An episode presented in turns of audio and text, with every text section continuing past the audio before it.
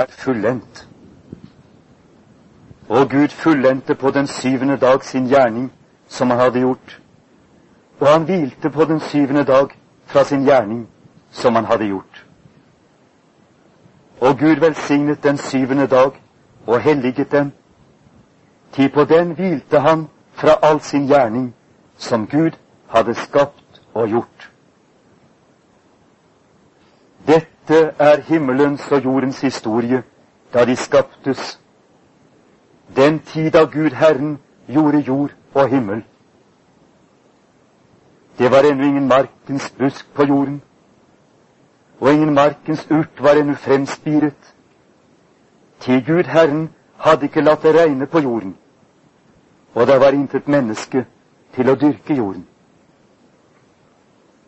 Og der oppsteg en damp av jorden, og den vannet hele jordens overflate. Da dannet Gud Herren mennesket av støv av jorden og blåste livets ånd i hans nese, og mennesket ble til en levende sjel. Og Gud Herren plantet en have i Eden mot østen og satte der mennesket som han hadde dannet. Og Gud Herren lot oppvokse av jorden alle hånde trær, lystelige å se til og gode å ete av, og livsens tre midt i haven, og treet til kunnskap om godt og ondt. Og det gikk en flod ut av eden til å vanne haven. Og derfra delte den seg og ble til fire grener. Den førstes navn er Pison. Det er den som løper om hele landet Havila, hvor gullet er. Og dette lands gull er godt. Der er bedellium og stenen onyx. Og den annen flots navn er Gihon. Det er den som løper om hele landet Kus. Og den tredje flots navn er Hidekel. Det er den som går østen for Assur. Og den fjerde flod er Frat.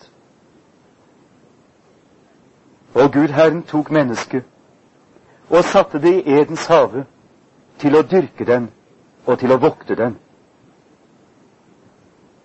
Og Gud Herren bød mennesket og sa:" Du må fritt ete av alle trær i haven, men av treet til kunnskap om godt og ondt, av det skal du ikke ete.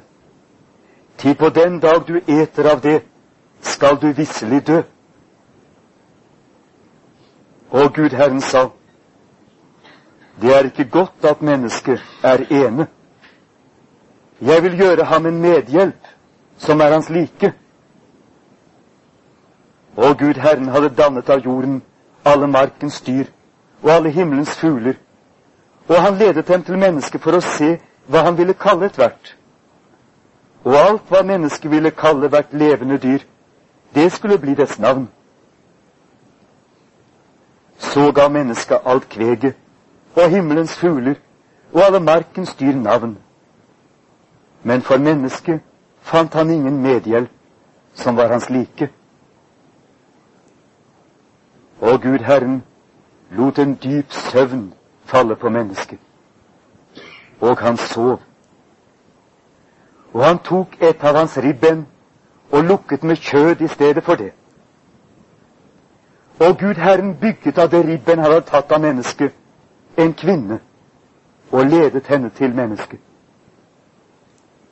Da sa mannen, dette er endelig ben av mine ben og kjød av mitt kjød.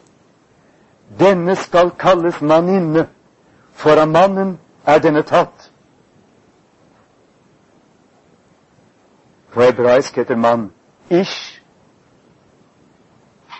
og kvinne er hunnkjønn av ish og heter Isha. Han sier altså denne skal kalles Isha, for av Ish er hun tatt. Derfor skal mannen forlate sin far og sin mor og bli fast hos sin hustru, og de to skal være ett kjød.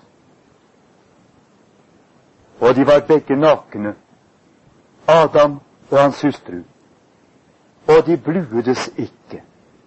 De skammet seg ikke. Og slangen var treskere enn alle markens dyr som Gud Herren hadde gjort. Og den sa til kvinnen, Har Gud virkelig sagt, I skal ikke ete av noe tre i haven? Da sa kvinnen til slangen, Vi må ete av frukten på trærne i haven. Men om det tres frukt som er midt i haven, har Gud sagt, I skal ikke ete derav, og ikke røre derved, for at de ikke skal dø.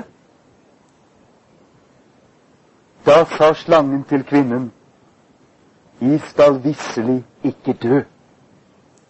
Til Gud vet at på den dag I eter derav, skal eders øyne opplates, og jeg skal bli like som Gud, til å kjenne godt og ondt.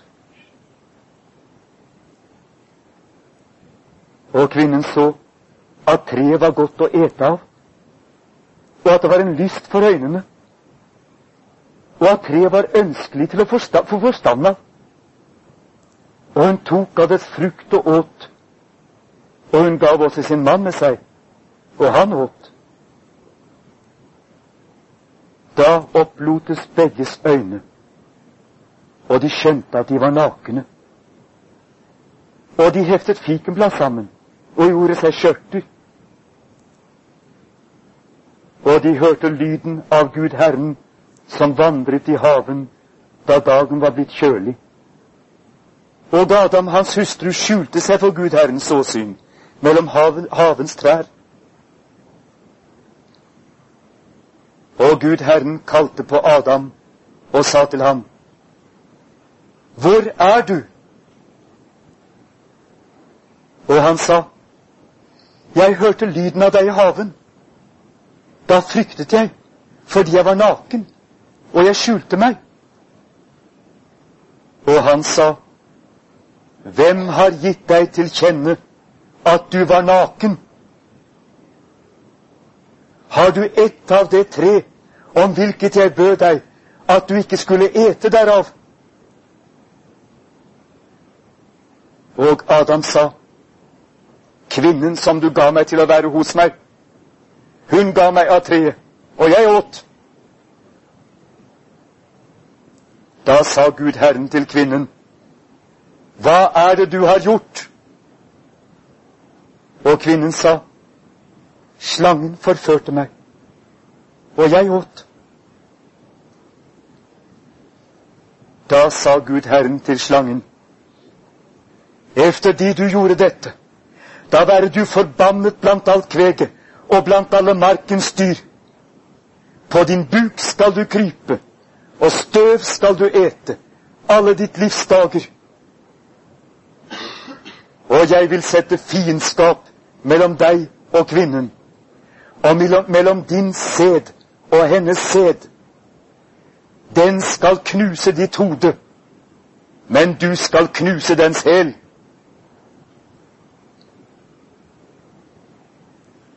Til kvinnen sa han, Jeg vil mangfoldiggjøre din møye og ditt svangerskap. Med smerte skal du føde barn, og til din mann skal din attrå være, og han skal herske over deg. Og til Adam sa han, efter de du lød din hustrus røst, og åt av det tre om hvilket jeg bød deg og sa, du skal ikke ete derav, så være jorden forbannet for din skyld. Med møye skal du ete av den alle ditt livs dager. Torn og tistler skal den bære deg, og du skal ete markens urter. I ditt ansikts sved skal du ete ditt brød inntil du vender tilbake til jorden. Ti av den er du tatt. Til støv er du, og til støv skal du vende tilbake. Og Adam kalte sin hustrus navn Eva. Det betyr det samme som liv. fordi hun er alle levendes moder. Og Gud Herren gjorde Adam og hans hustru kjortler av skinn og iførte dem. Og Gud Herren sa, Se, mennesket er blitt som en av oss, til å kjenne godt og ondt. Bare han nu ikke skal utrekke sin hånd og ta oss av livsens tre og ete og leve evinnelig. Så forviste Gud Herren ham fra Edens hage til å dyrke jorden, av hvilken han er tagen. Og han drev mennesket ut. Og han satte kjerubene østen for Edens hage, og det luende sverd som vendte seg hit og dit, for å vokte veien til livsens tre.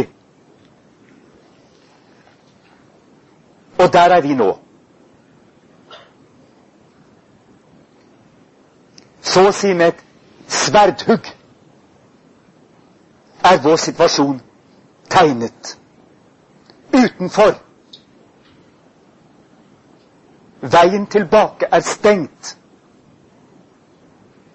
Vi har ikke adgang til livsens tre.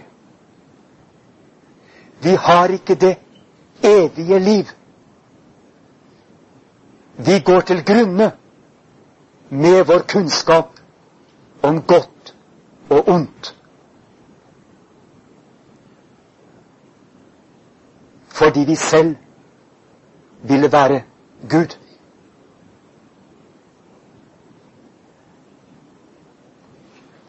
Og det er situasjonsbeskrivelsen. Akkurat her og nå befinner vi oss utenfor.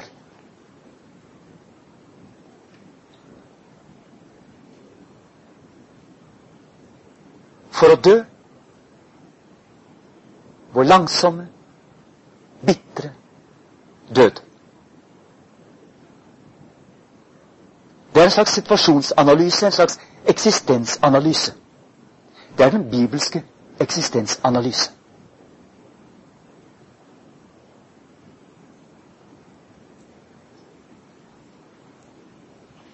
Fra det første verset i Første Mosebok og til det siste verset i dette kapitlet det er altså en vandring fra vår opprinnelse i Gud. Fra den dype mening vi har fordi vi er skapt av Gud, og ut i det vi ville kalle for meningsløsheten.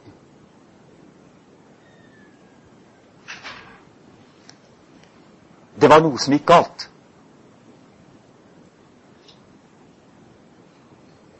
Og vi kom bort fra det som var meningen.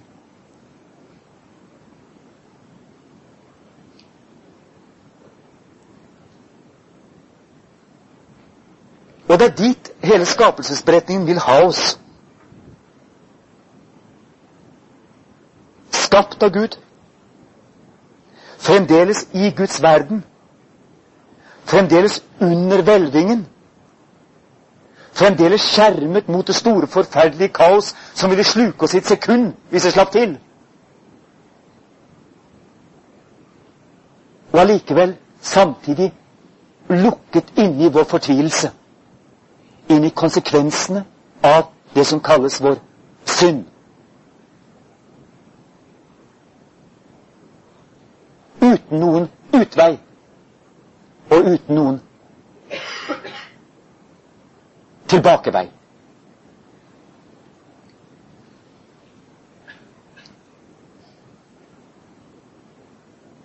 Det norske ordet synd er et veldig godt ord. Det er beslektet med ordet sund. Et skille mellom to øyer, f.eks. Og når en kopp går i knas, så sier vi den går i sund. Det er noe som går i stykker. En helhet som brister.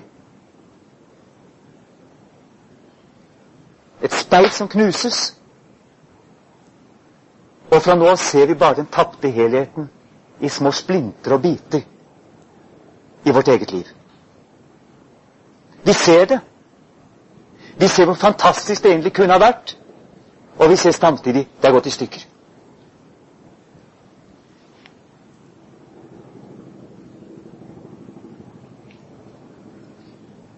Og allikevel så blir vi fastholdt i dette.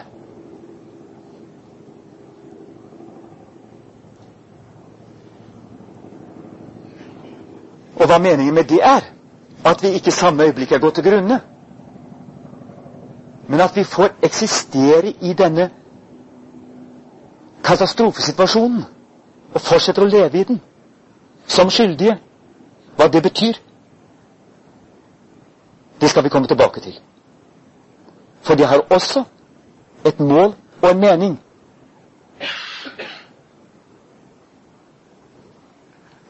Det fører frem mot en kulminasjon og en overraskende, utrolig løsning.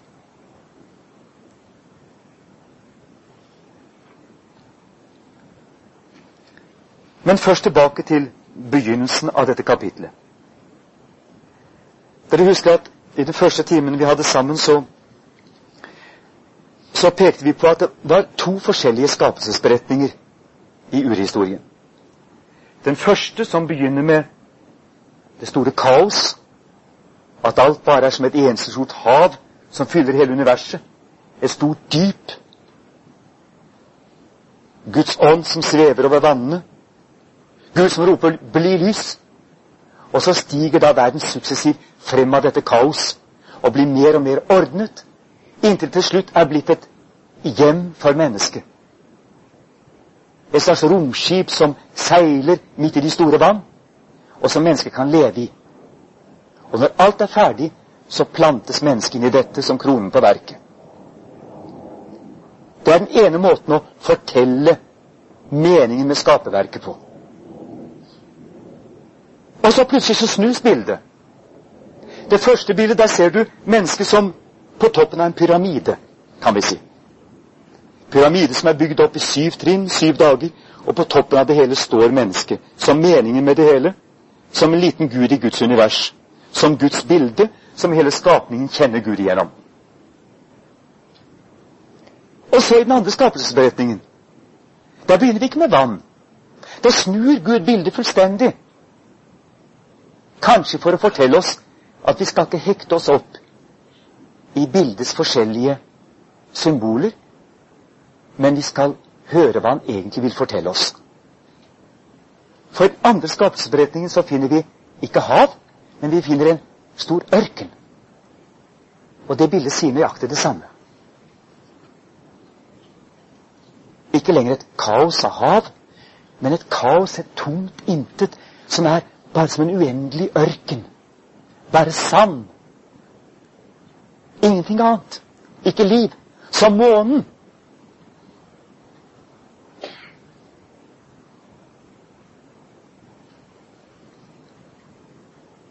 Livløst. Dødt. Meningsløst. Uten sentrum, uten retning. Uten mål og mening.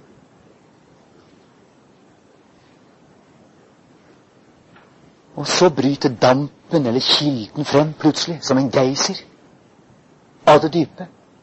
Vanner jordens overflate. Og det første som da blir til, er ikke planter, men det er mennesket. Her er hele skapelsesberetningen på en måte vrengt. Her kommer hovedpersonen først. Mennesket. Gud griper ned i leira som er blandet med vann, å forme mennesket på samme måte som vi former en krukke. Det brukes et lignende ord. Danner et menneske av jorden og blåser livets ånde i menneskets nese, munn-til-munn-metoden. Og mennesket får liv av Guds eget liv.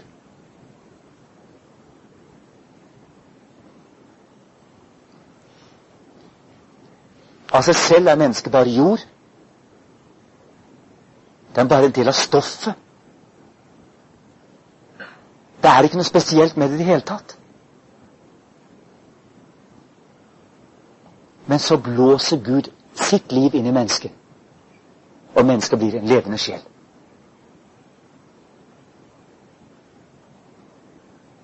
Det livet som er i mennesket, det kommer fra Gud.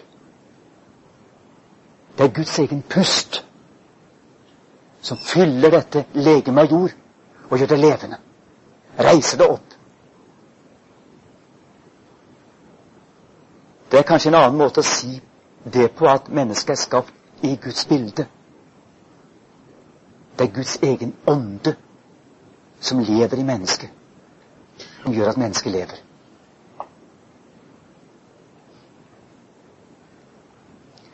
Men altså, mennesket er da det første.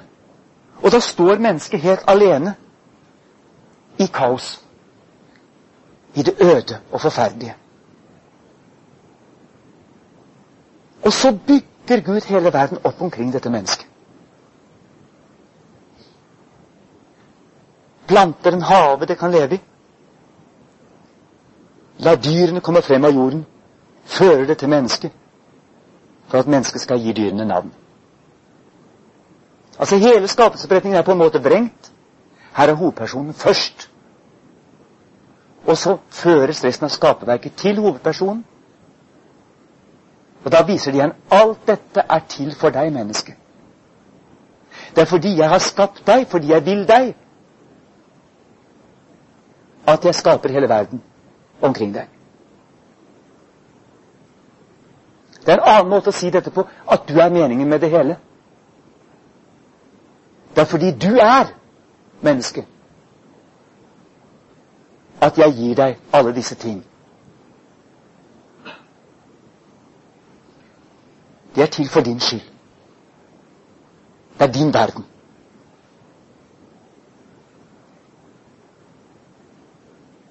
Det sies det samme som i innførselskapsberetningen.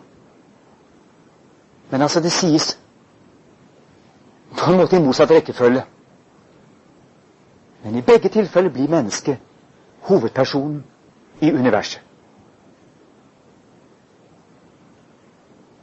Og den verden mennesket har, den er her ikke definert som et romskip i de store vann, men definert som en oase i den store, øde ørken. Utenfor oasen er det umulig å leve. Du kan ta med streiftog ut i uendeligheten. Men skal du overleve, må du vende tilbake til oasen. Og sentrum er da haven, Eden mot østen. Det er der det begynner. Men denne kilden som bryter frem midt i haven, den vanner hele jordens overflate. Fire strømmer som går ut i alle retninger. Fire store floder og slik så strømmer livet ut fra eden og ut i den store ødemarken. Og får det selvfølgelig til å vokse og gro alle steder.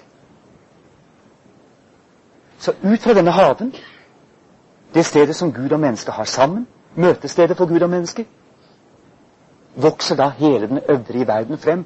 Livskilden veller frem fra eden og ut i verden. I fire retninger.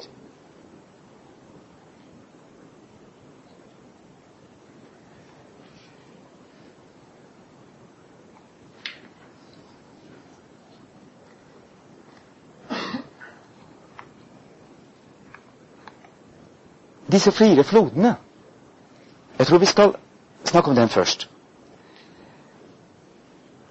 De kan vi identifisere. Det er kanskje én som er litt usikker, og det er Det er floden Pison, som løper omkring hele landet Havila, hvor gullet er. Men det er stor sannsynlighet for at den floden, slik den er tenkt i denne historien, er floden Indus. Den neste floden, som kalles Gihon, som løper rundt landet Kuss, en afrikansk elv, det må være Nilen. Og Hiddekel, det må være Tigris. Og Fratt, det er helt opplagt, det er Eufrat. Og det er disse fire kulturflodene som vi kjenner fra menneskehetens aller første tid. hvor mennesket virkelig skapte seg det vi kan kalle for siviliserte samfunn. Mer kompliserte samfunn. Vi kjenner dette fra Nilandet. Den aller eldste kultur. Bitte litt senere kjenner vi det fra Mesopotamia. Og omtrent samtidig kjenner vi også en slik høykultur ved Indus-deltaet. Altså det er disse fire flodene som på en måte skaper liv, skaper historie. Og det er disse flodene som er tenkt at de, de veller alle sammen ut fra eden. De er et felles utspring. Et felles hemmelighetsfullt utspring. Som altså gir liv til hele verden. Det er klart at her tales symboler. For det fins jo ikke et geografisk punkt som er slik at både Nilen og Indus og Eufrat og Tigris kan ha en felles kilde. Det er ikke mulig. Og kanskje forfatteren selv vet det. Men han sier at egentlig har alt dette begynt i eden.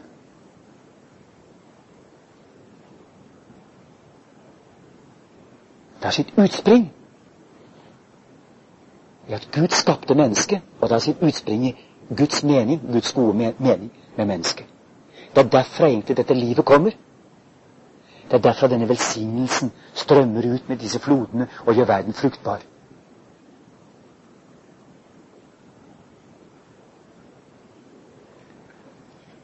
Så eden er på en måte en, et innerste hemmelig sentrum i hele verden. Vi kan si hjertet i hele verden. Som alt liv strømmer ut fra.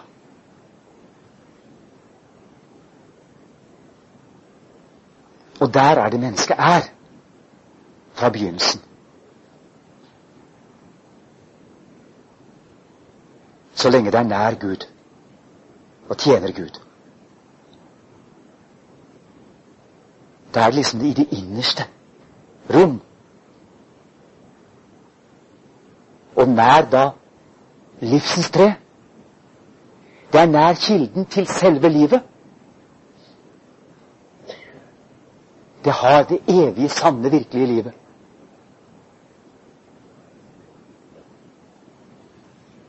Og det er nær treet til kunnskap om godt og ondt, som Gud har forbeholdt seg selv og satt som en urørlig helligdom midt i haven. Vi får ikke noen forklaring på hvorfor. Men det er den eneste begrensning mennesket er pålagt må ikke forgripe seg på dette treet. Det er det eneste treet av alle trærne Gud har forbeholdt seg selv. Vi kan si det er et symbol på Guds majestet midt i skaperverket. Symbol på at Gud er Gud. At Gud i sin visdom alene råder for alle ting. At det er områder som mennesket ikke skal gripe inn i. Men mennesket skal bare ta virkeligheten som den er. Som en gave fra Gud.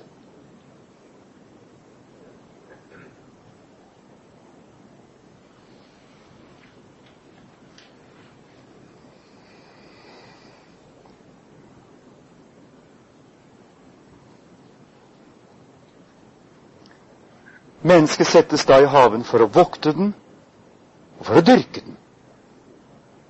Det er ikke slik i paradiset at ikke du behøver arbeide. Det er ikke sånn tenkt her. Og arbeid er ikke noe som først kommer etter at mennesket har blitt forbannet og blitt satt utenfor. Nei, arbeidet det er noe som hører til det å være menneske. Det er meningsfullt å arbeide. Du er satt i Guds skapning for å, for å verne den, for å vokte den, og for å arbeide med den. Det er ikke noe som primært har noe med syndefall å gjøre. Å leve i paradis er ikke noe slaraffenliv. Det er et meningsfullt liv. Du har noe å gjøre. Du har en jobb. Du har en funksjon. Ja, på en måte er du en medskaper for Gud. Dyrker. Du tjener i haven. Ordet 'dyrke' kan bety også å tjene. Være en tjener i haven. Du vokter den. Du er en vekter for haven. Passe på at alt går rett for seg. Ja, du kunne kanskje se det i økologisk perspektiv. Naturen er betrodd mennesket for at mennesket skal ta vare på den. Bare noen få streker tegnes det. Men her er alle detaljer viktig, for dette er en sånn fortettet historie.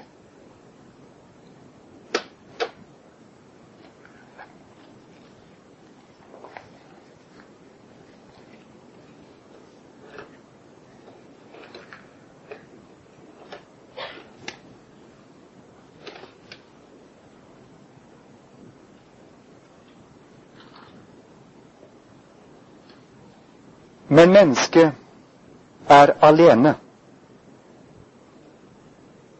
Det har bare seg selv til selskap. Suverent alene. Det er noe som mangler. Det er bare et jeg der. Det mangler et du. Det mangler noe å dele alt dette med. Oppleve alt dette sammen med.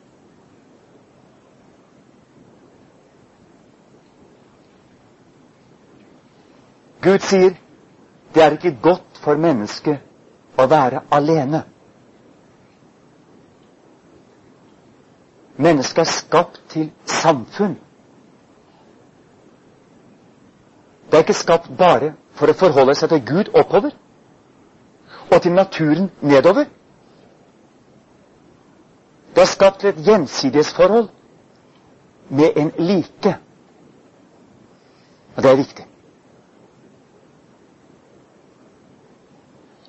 Og Derfor så sier Gud at han vil gi mennesket en medhjelp, står det her. Det kan like godt oversettes med en hjelper, som er hans like. Eller egentlig en hjelper som er hans motstykke, som tilsvarer ham. Altså omtrent som hånd i hanske. Det er det det egentlig betyr.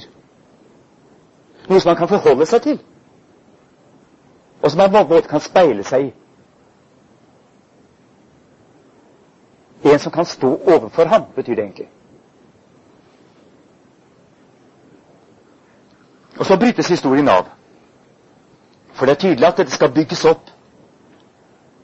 Så før Gud går så langt at han skaper denne hjelperen, så fører han først alle dyrene til mennesket.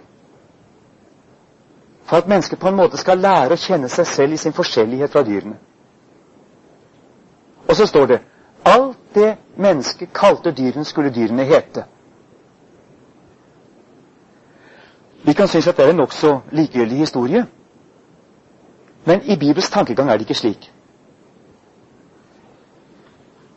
Den som gir noe navn, er definert som herre over det han navngir. Når du setter navn på ting, så gjør du tingene til din eiendom. Du gjør det til en del av din verden som du kjenner, og som du kan nevne, og som du har makt over.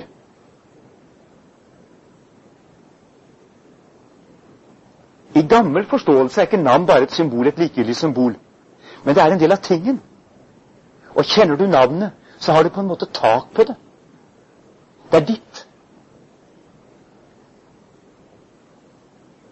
Dere kan kanskje oppleve det noen ganger når dere går ut i naturen, i en fremmed natur massevis av fjelltopper og daler omkring dere, og de vet ikke hva det heter. Og så lenge de ikke har noe navn på det, så er det liksom fremmed. Og så begynner dere å lære navnene på fjelltoppene, og plutselig blir det kjent på en måte. Du har nevnt naturen omkring deg. Og du kan gjenta det og si ja, der er piggtind. Og der er måltind. Og så plutselig finner du deg plutselig i en kjent verden. Og i enda sterkere grad er det slik hos folk som tenker på en annen måte enn oss. Gud i skapelsesberetningen gir alle ting navn. Og når han gir tingene navn, så er de samtidig der og blir virkelige. En slik guddommelig evne har ikke mennesket. Men allikevel så overlates det til mennesket å gi tingene navn, og det som mennesket kaller det, skal det hete. Og det betyr mennesket gjøres til herre over skaperverket. De merkelappene som mennesket setter på tingene, og nevner, det er de merkelappene de skal bære. Og mennesket har på en måte merket tilværelsen som sin. Og gjort seg til herre over den. Slik gjør jo vi egentlig i vitenskapen også. Vi deler opp og skaper finere og finere begreper og setter navn på, på detaljer og på fenomener. ikke sant? Og, vi, og, og det kaller vi å erkjenne virkeligheten. Og Jo flinkere vi blir til å sette navn på detaljene i virkeligheten, jo mer syns vi vi skjønner av det. Jo mer tak har vi på det. Og det er denne prosessen som finner sted her. Gud overgir de skapte tingene til mennesket, og mennesket gjør seg til herre over dem ved å kjenne dem og gi dem et navn som tilsvarer deres vesen. De gamle tenkte slik at f.eks. ordet okse det var ikke bare en tilfeldig lyd, men denne ordet okse hadde akkurat oksens vesen i seg. på en måte. Da så du plutselig hornet og kraften. Ordet er nesten litt magisk. Det er tingen.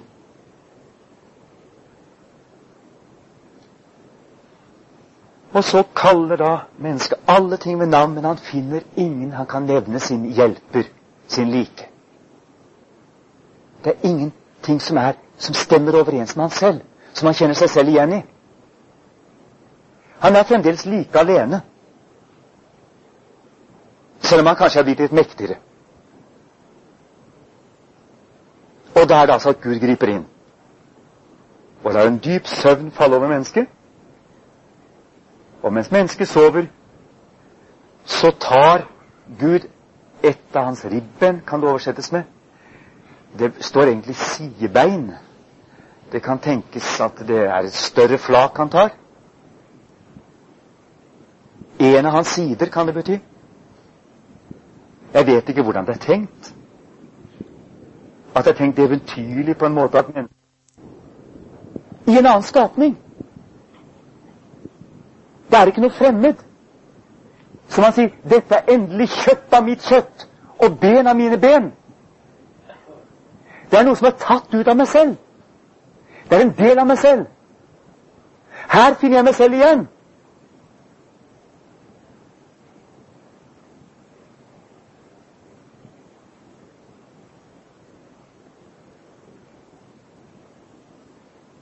Denne skal hete Isha, for at Ish er hun tatt.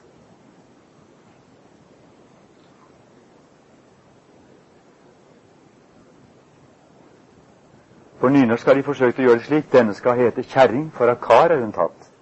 Men det lyder ikke helt bra. Men kjerring er selvfølgelig hunnkjønnsforma kar. Så det er riktig for så vidt. Men jeg vet ikke noe språk hvor det kan sies på samme måten som på hebraisk. Og Derfor så sa de gamle dette er beviset på at hebraisk er det eldste språk. Og det språket som mennesket talte fra begynnelsen. For ellers kunne ikke Adam ha sagt dette her. Ja. Men det som uttrykkes med disse språklydene, er det at mann og kvinne er ett. De er bare to sider av samme sak. Når mann finner kvinne, finner han seg selv igjen. Han finner helheten i sitt liv. Han finner et du som han kan dele alt dette med. Og når jeg sier 'han' Så lenge mennesket var uten kvinne, så leser vi 'menneske'. Adam oversetter vi med 'menneske'. Men straks mennesket har funnet kvinnen, så oversetter vi Adam med mann. For først da blir han mann. Først da opplever han seg selv som mann. Først da har du polariteten mann og kvinne, når kvinnen står der. Og fra den, da av er det disse to sammen som er mennesket. Slik vi forsøkte å snakke om det da vi snakket om mennesket skapt i Guds bilde. Og dette er en uropplevelse som beskrives her. Som gjentar seg gjennom hele historien hver gang en mann finner en kvinne. Han finner igjen noe som han søker etter med hele sitt vesen.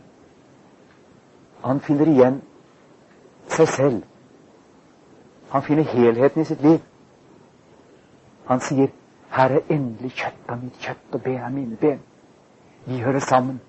Jeg er blitt hel igjen. Og derfor skal mannen forlate far og mor. Han skal gå ut av sin slektssammenheng. Ut av sine dypeste forpliktelser. For det fjerde bud er sterkt. Og inn i en ny forpliktelse som betyr enda mer. Forhold til sin kvinne. For de to skal være ett kjød. De to er en ny totalitet. En enhet, en helhet. I virkeligheten er det Gud som har gitt dem til hverandre. Og hemmelighetsfullt, i Guds mening, har de allerede vært en helhet og en enhet. Når mannen våkner og ser kvinnen, kjærligheten våkner, så finner han Guds mening med sitt liv.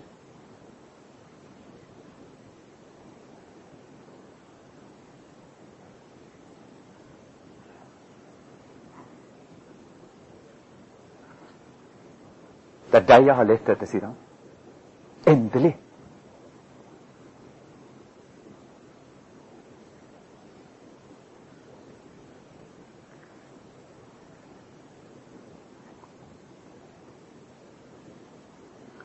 Og så står det de var begge nakne, Adam og hans hustru, og de bludes ikke.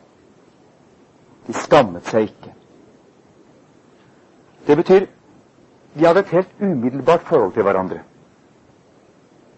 Hadde ingenting å skjule for hverandre. Eller som vi sier, de hadde ingenting å skamme seg over. Fordi de var hele. De mottok hverandre som en gave fra Gud.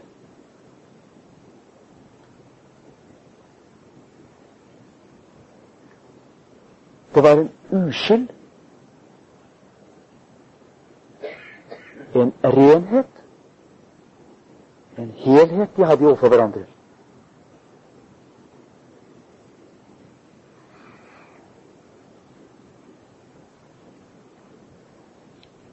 Det betyr f.eks. ifølge rabbinerne ikke at ikke de hadde seksualliv.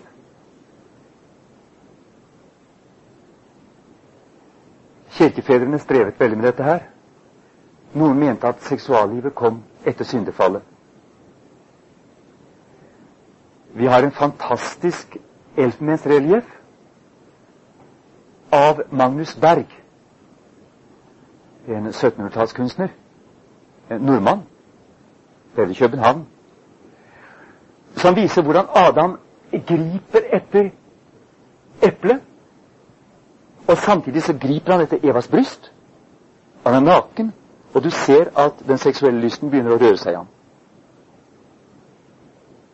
Det er en fantastisk bilde. Det pleier å stå i leksikoner under, under, under, under berg. Det kan du finne.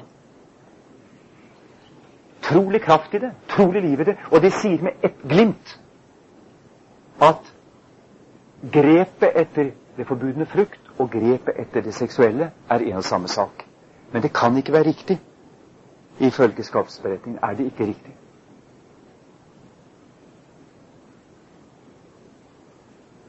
Jeg har en autoritet her som jeg tror er viktig, som protesterer heftig mot at mann og kvinnes forhold til hverandre i den opprinnelige nakenhet skulle være uten kjønnslig tiltrekning, fordi de altså ikke skammet seg. Og det er Milton i 'Paradise Lost'. Jeg har ikke fått tid til å oversette det partiet. Vi finner det i fjerde bok, fra vers 736 og utover, hvis dere er interessert i å slå opp i, i Milton Paradise Lost, Milton Det tapte paradis. Der argumenterer han voldsomt mot at Adam og Eva ikke skulle ha kjent hverandre som mann og kvinne før de falt fra Gud.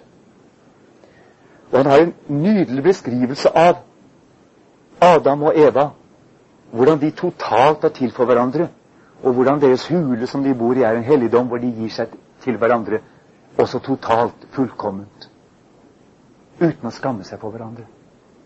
For det er dette de er skapt til å være ett kjøtt. Det er en veldig sterk beskrivelse, veldig dristig, av en 1600-tallspoet. Skulle ønske jeg kunne ha lest det opp, men jeg tror ikke det er noen vits i når man ikke har en oversettelse av det.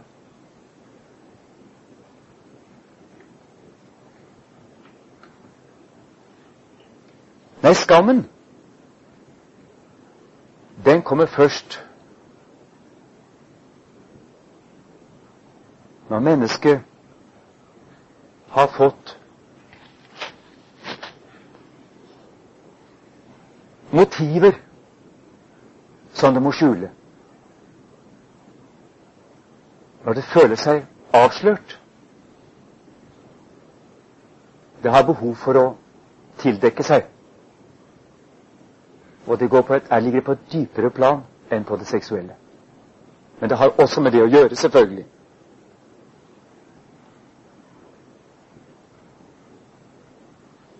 Så kommer vi da til fristelsen og til fallet. Og Det er jo klart at vers 25 i annet kapittel, og de var begge nakne, Adam og hans hustru, de skammet seg ikke. Det har direkte sammenheng med det som så kommer. Og slangen var tresker, eller slangen var lister enn alle markens dyr, som Gud Herren hadde gjort. Og den sa til kvinnen. Altså, der, nå begynner uskyldstilstanden å, å rakne.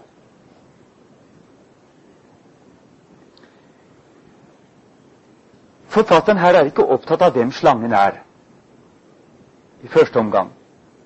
Den, den, den, den, ber ikke om at vi skal være så veldig oppmerksomme på slangen, egentlig. Da den beskrevet slangen bedre. Gitt den flere sataniske trekk. Den er i første omgang bare en, bare en slange som finner på et eller annet. Men skylden har mennesket alene. Det er tydelig at det forfatteren vil fokusere, er mennesket og hvordan mennesket reagerer på denne fristelsen.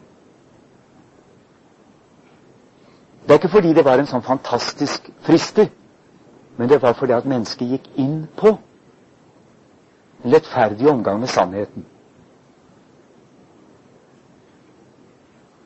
Slangen sa til kvinnen, har Gud virkelig sagt, vi skal ikke ete av noe tre i haven? Da har du fristelsens psykologi. Fristeren opptrer med en slags misforståelse på en måte. Han, han, han, lager en liten misforståelse for å gi henne anledning til å begynne å snakke om det. Han sier ikke Det skulle vel ikke tilfeldigvis finnes et tre som ikke dere har lov til å spise av? Det er ikke den måten. Men han liksom slår an på en måte for å få i gang en samtale, og så kommer hun med dette her. Og så kan han fortsette. Så det er egentlig en mesterlig opplagt dialog. Vi kjenner den fra alminnelig daglig virkelighet. Slangen liksom sirkler dette inn på slangevis. Kvinnen svarer vi må ete av frukten av trærne på, i haven. Men om det tres frukt som er midt i haven, har Gud sagt dere skal ikke ete av det og ikke røre ved det, for at dere ikke skal dø.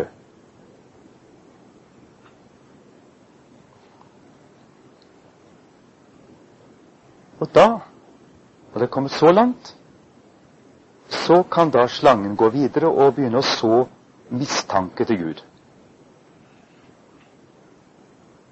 Kanskje kvinnen allerede har vært litt rettferdig med sannheten. For hun har faktisk også sagt at Gud har sagt at de skulle ikke røre ved treet. Og det har ikke Gud sagt. De kunne godt røre ved det, men de skulle ikke ete av det. Kanskje hun har overdrevet på en måte. Kanskje det har noe med fristelsens psykologi å gjøre? Kanskje Gud virker ekstra urimelig på den måten? I hvert fall så er det et eller annet som sånn ganske forsiktig har gått i stykker i den hele og fulle samferdighet. Og der setter slangen inn. Slangen sier, 'Dere skal visselig ikke dø'. For Gud vet at på den dag dere eter av dette treet, så skal deres øyne åpnes. Og dere skal bli like som Gud, til å kjenne godt og ondt. Og så sier ikke slangen mer. Han sier ikke 'Så spis da av det vel'. Han sier ikke det. Men han bare Han bare åpner for menneskets misunnelse vis-à-vis Gud. Altså Gud har forbeholdt seg noe. Og det er ikke egentlig omsorg for oss, men det er fordi det er noe han vil at ikke vi skal få del i. Han vet at hvis vi eter av det treet, på samme måte som vi eter av livsens tre, så får vi evig liv. Hvis vi eter av dette treet, så får vi del i den kunnskap Gud har om godt og ondt. Ja, vi blir like som Gud. Og vi kan selv bestemme hva som er godt og ondt.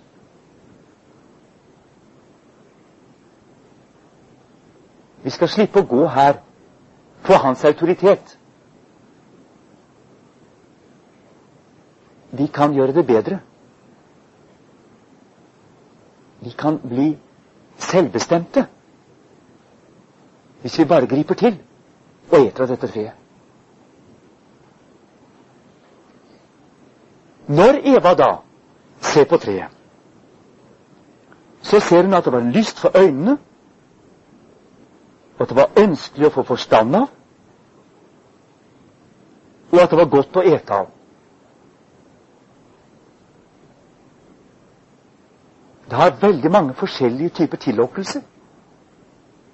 Det er virkelig noe som er verdt å begjære. Det begynner som å lyse i møte med henne. Og så griper hun til. Og hva griper hun etter da? Det hun griper etter, er ikke en frukt. Det kan godt være at det er helt nøytralt, det med frukten. Men det hun gjør når hun griper etter frukten fordi forbudet er der, det er at hun griper etter det å være Gud lik. Det er det hun griper etter.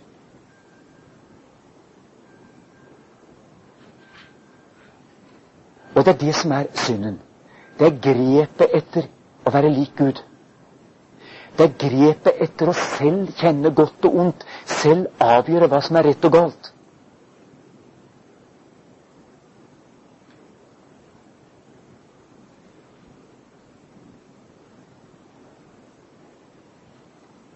Det er det som er synden i dette.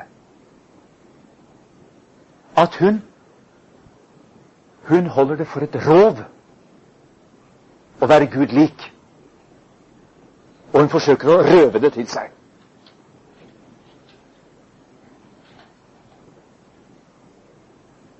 Det er et angrep på Guds majestet.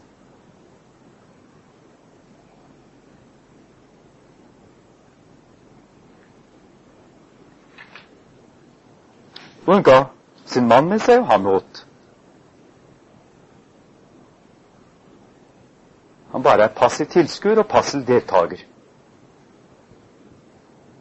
Og det som da skjer, er at da blir deres øyne åpnet. Men det de ser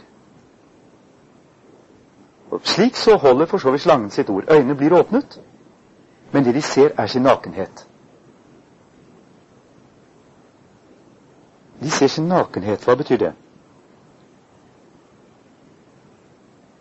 Plutselig er det noen som har noe å skjule.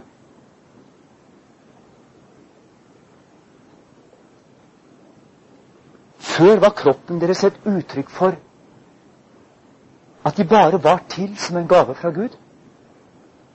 Og at de bare var til som en gave fra Gud til hverandre. De hadde umiddelbarhet i forhold til hele sin tilværelse. Og plutselig er den borte. Fordi de selv vil være Gud og selv styre alt.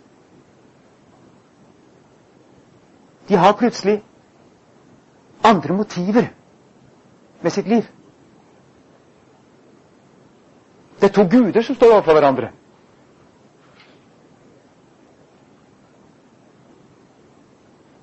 Som er falt ut av tillitsforhold, tillitsforholdet til Gud Tillitsforholdet til virkeligheten. Og dermed også det grunnleggende tillitsforholdet til hverandre.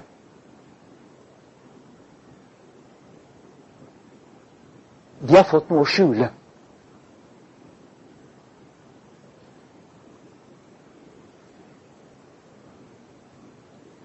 Jeg er sikker på at hvis vi mennesker, som jo skjuler kroppen vår av en eller annen grunn, fordi vi har dette med oss, at kroppen vår sier mer enn vi egentlig vil være ved. Kroppsspråket vårt sier veldig mye.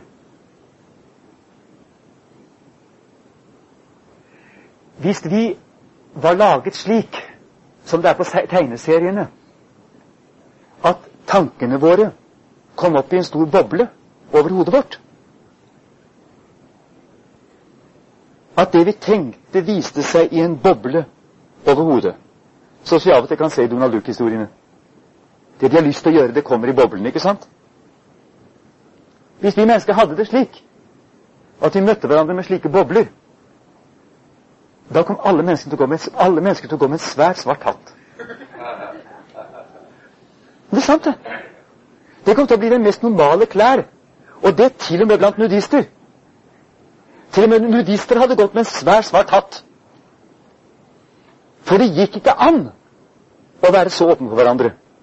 For da kan vi både drepe hverandre, voldta hverandre, myrde hverandre, jeg vet ikke hva. Vi må stadig gå med forbehold.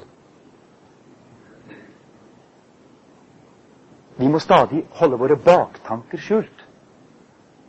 Fordi vi ikke er hele lenger. Vi er ikke rene av hjerte lenger. Vi har den selvforgudelsen i oss som gjør at egentlig har ingen grunn til å ha noe tillit til oss. Jeg har forsøkt å forklare det litt omstendelig. Det er sikkert banalt å si det på den måten. Men det er det som kommer frem i denne historien. Når vi faller ut av det grunnleggende tillitsforholdet til Gud, så oppstår det noe som er det grunnleggende tillitsforholdet oss imellom. Det er en uskyld, en umiddelbarhet som blir borte. Og vi får behov for forbehold. Vi får behov for å preventere oss mot hverandre. Vi får behold, for behov for å skjule oss for hverandre. Ikke bare sånn, men på mange, mange måter. Blant annet bak en sky av ord.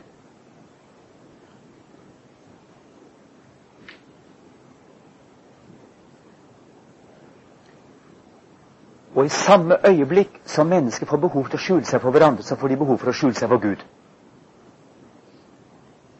Gud kommer vandrende gjennom haven. Gud er enda i dette umiddelbare, nære forholdet til menneskene. Det er det dette betyr når Gud vandrer i haven og taler med menneskene. Det er en slags umiddelbar uskyldstilstand mellom Gud og mennesker. Så skjuler, Gud, så skjuler menneskene seg. Det som skapte skilsmisse mellom mann og kvinne For dette er begynnelsen på skilsmissen. Forbeholdet.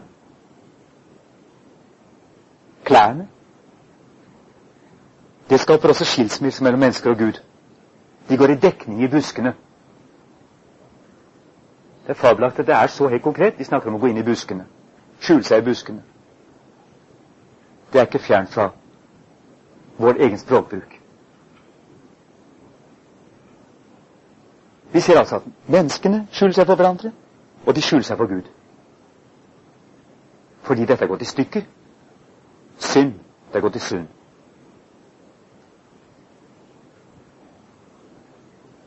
Og Gud roper på Adam.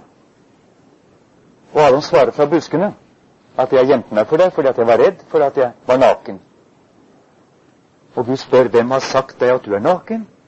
Og han forstår i samme øyeblikk det er fordi du har spist av treet. Derfor er du naken.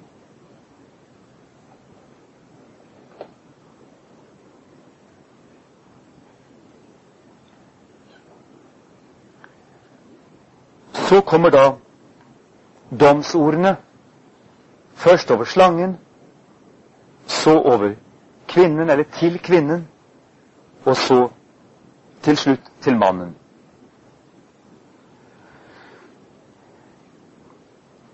Slangen, som er fristeren, og fra nå av har fått en enormt mye større betydning, fordi at han nå er blitt opphavsmannen til selve grunnskaden i tilværelsen. Slangen gjøres nå til erkefienden. Menneskets erkefiende. Og det er tydelig at nå får han større og større betydning. Han begynner å bli den forferdelige demonen vi kjenner fra, fra Det nye testamentet og fra Johannes' åpenbaring, den gamle drage som forfører hele jorderiket. Vi skal komme tilbake til de bildene. Men da da blir det første som da forkynnes, er fiendskap mellom slangen og slangens sæd og kvinnen og kvinnens sæd. gamle oversettelser brukes ordet sæd, og det er, det er, det opprinnelige ordet. Det betyr også ett avkom, men det er et veldig tett ord som egentlig betyr sæd. Frøet av disse. Og det er underlig å se at det er kvinnens etling og slangens etlinger som kommer i fiendskap mot hverandre. Og det står at kvinnens etling skal knuse slangens hode. Men det går ikke omkostningsløst, for slangens sæd skal da også knuse denne slangeknuserens hæl.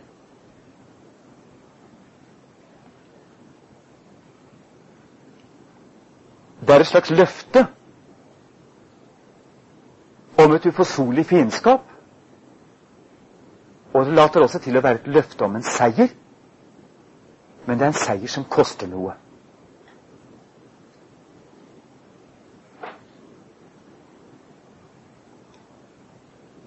Og så til selve kvinnen. Jeg vil mangfoldiggjøre din møye og ditt svangerskap. Med smerte skal du føde barn, og til din mann skal din attrå være, og han skal herske over deg. Og her er kvinnens situasjon tegnet med noen ganske få blyantstreker. Og det har vært kvinnens situasjon hele tiden etter fallet utenfor paradiset.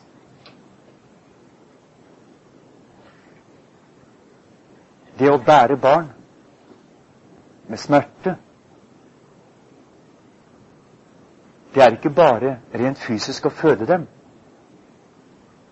men det er det hele tiden å bære på denne sorgen, denne kjærlighetens avmakt, som enhver mor må føle i en verden som er slik verden er blitt. Det å være mor er på den ene siden noe fantastisk nytt og forhåpningsfullt, og samtidig noe tungt og smertefullt. Fordi at det alltid koster å bære frem et barn. Og det koster alltid å elske å være mor.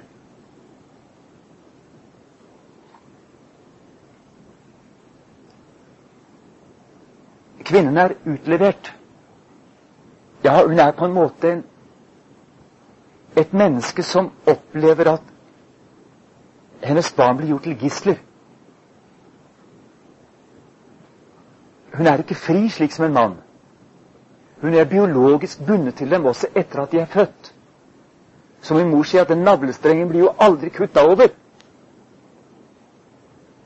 Å ha barn er en sykdom. Du har dem under huden.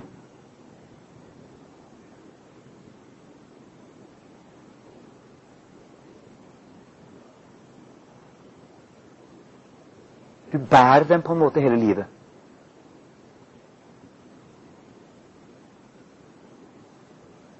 Den selvrealisering som ligger i å være mor, det er en offertjeneste. Det tror jeg veldig mange kvinner kan underskrive.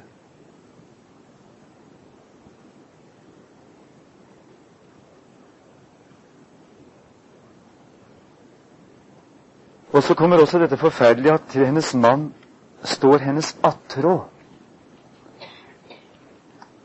Stadig så søker hun tilbake til mannen sin lengter etter det opprinnelige forholdet. Lengter etter det sanne og hele forholdet. Kan ikke gi opp troen på det.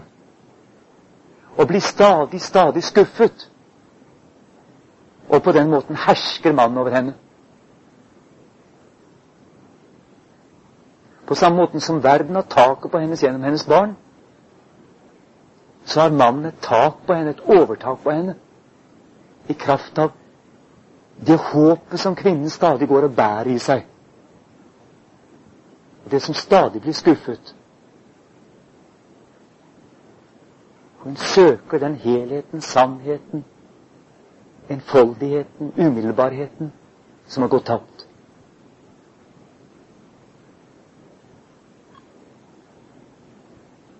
Hun søker sitt eget, søker tilbake til sitt eget. Den helheten som var der en gang.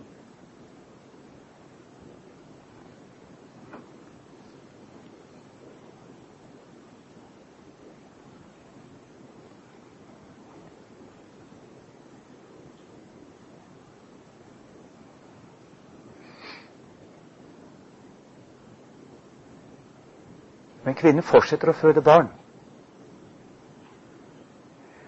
Og i første Timotus brev så sier Paulus noe underlig. Det tror jeg vi får ta med. For jeg tror det virkelig klinger med denne historien også. I første Timotus brev, i det første kapittel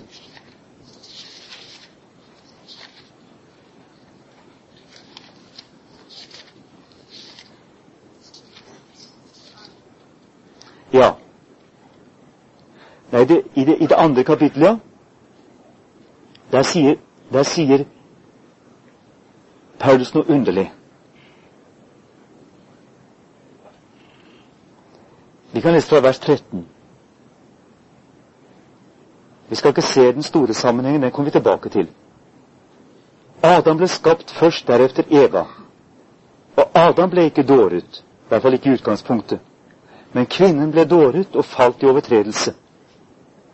Men hun skal bli frelst gjennom sin barnefødsel, så fremt de blir i tro og kjærlighet og helliggjørelse med tuktighet, slik det står i dette språket her.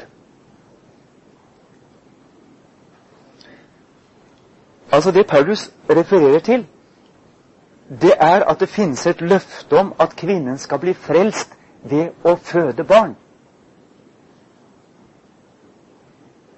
Det som er hennes smerte, det som er hennes pine, det som er hennes byrde å være mor, det skal en gang føre til frelse. Og Jeg tror at aller klarest er det blitt i Maria. En gang skjedde det virkelig at kvinnen fødte den sæd, det avkom, som knuste slangens hode. Og jeg tror det ligger allerede her som et håp. En gang skal kvinnesønnen komme, og kvinnesønnen skal knuse slangens hode. Og det blir den skjulte understrøm av mening under all denne smerte. Hvert eneste barn som fødes, er et ja til livet, er et levende håp om at en gang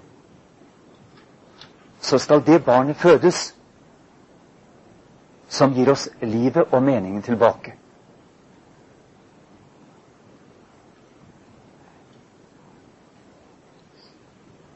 Og så til slutt da Adam. Fordi du lød din hustrus røst og åt av det tre om hvilket jeg bød deg og sa du skal ikke ete av det, så skal jorden være forbannet for din skyld.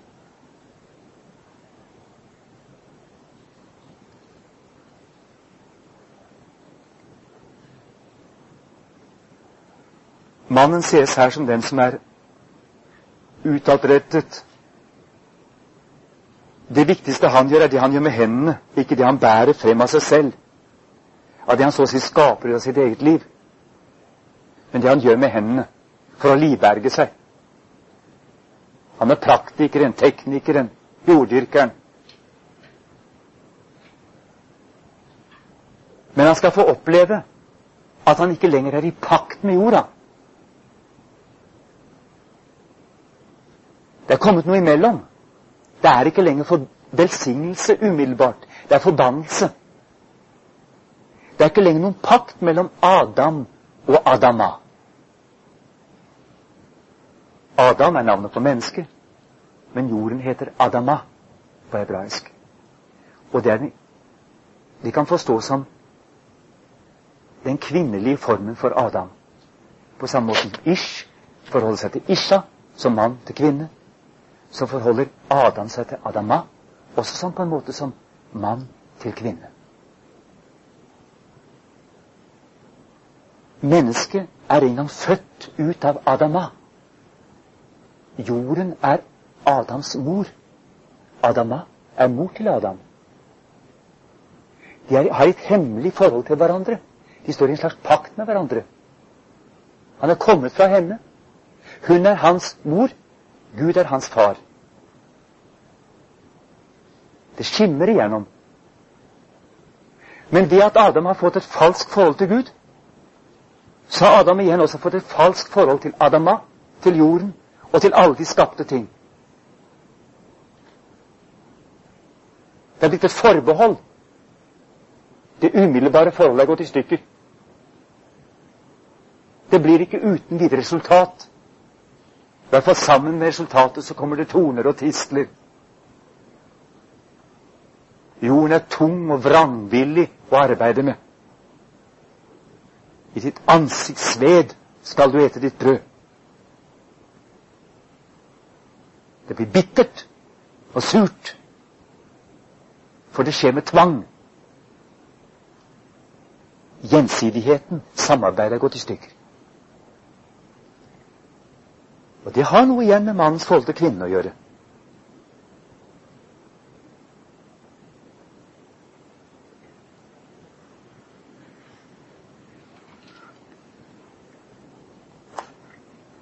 Jeg tror vi ser det veldig tydelig i vår tid.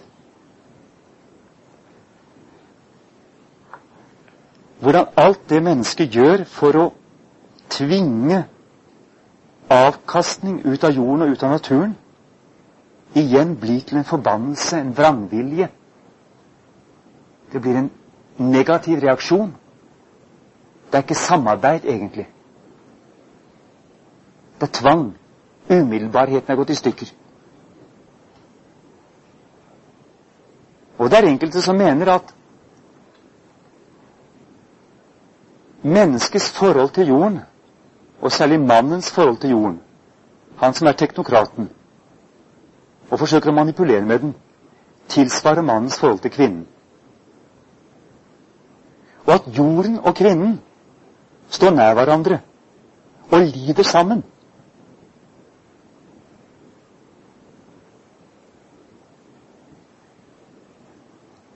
Jeg tror særlig i vårt århundre kan vi se det tydelig. Den delen av menneskeheten som lider under rovdriften, det er kvinnen. Hun deler på en måte skjebne med naturen.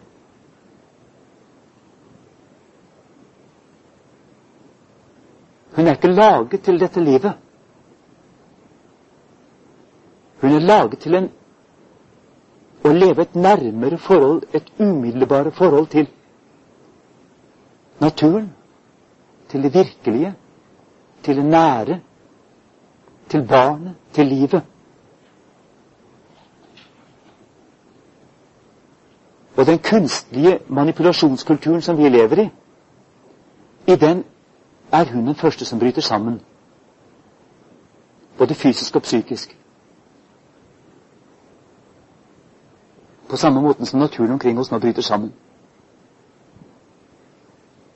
Under menneskets, under mannens unatur. Under hans forsøk, stadig forsøk på å flykte bort fra konsekvensene når bare han har fått sitt ut av naturen av kvinnen.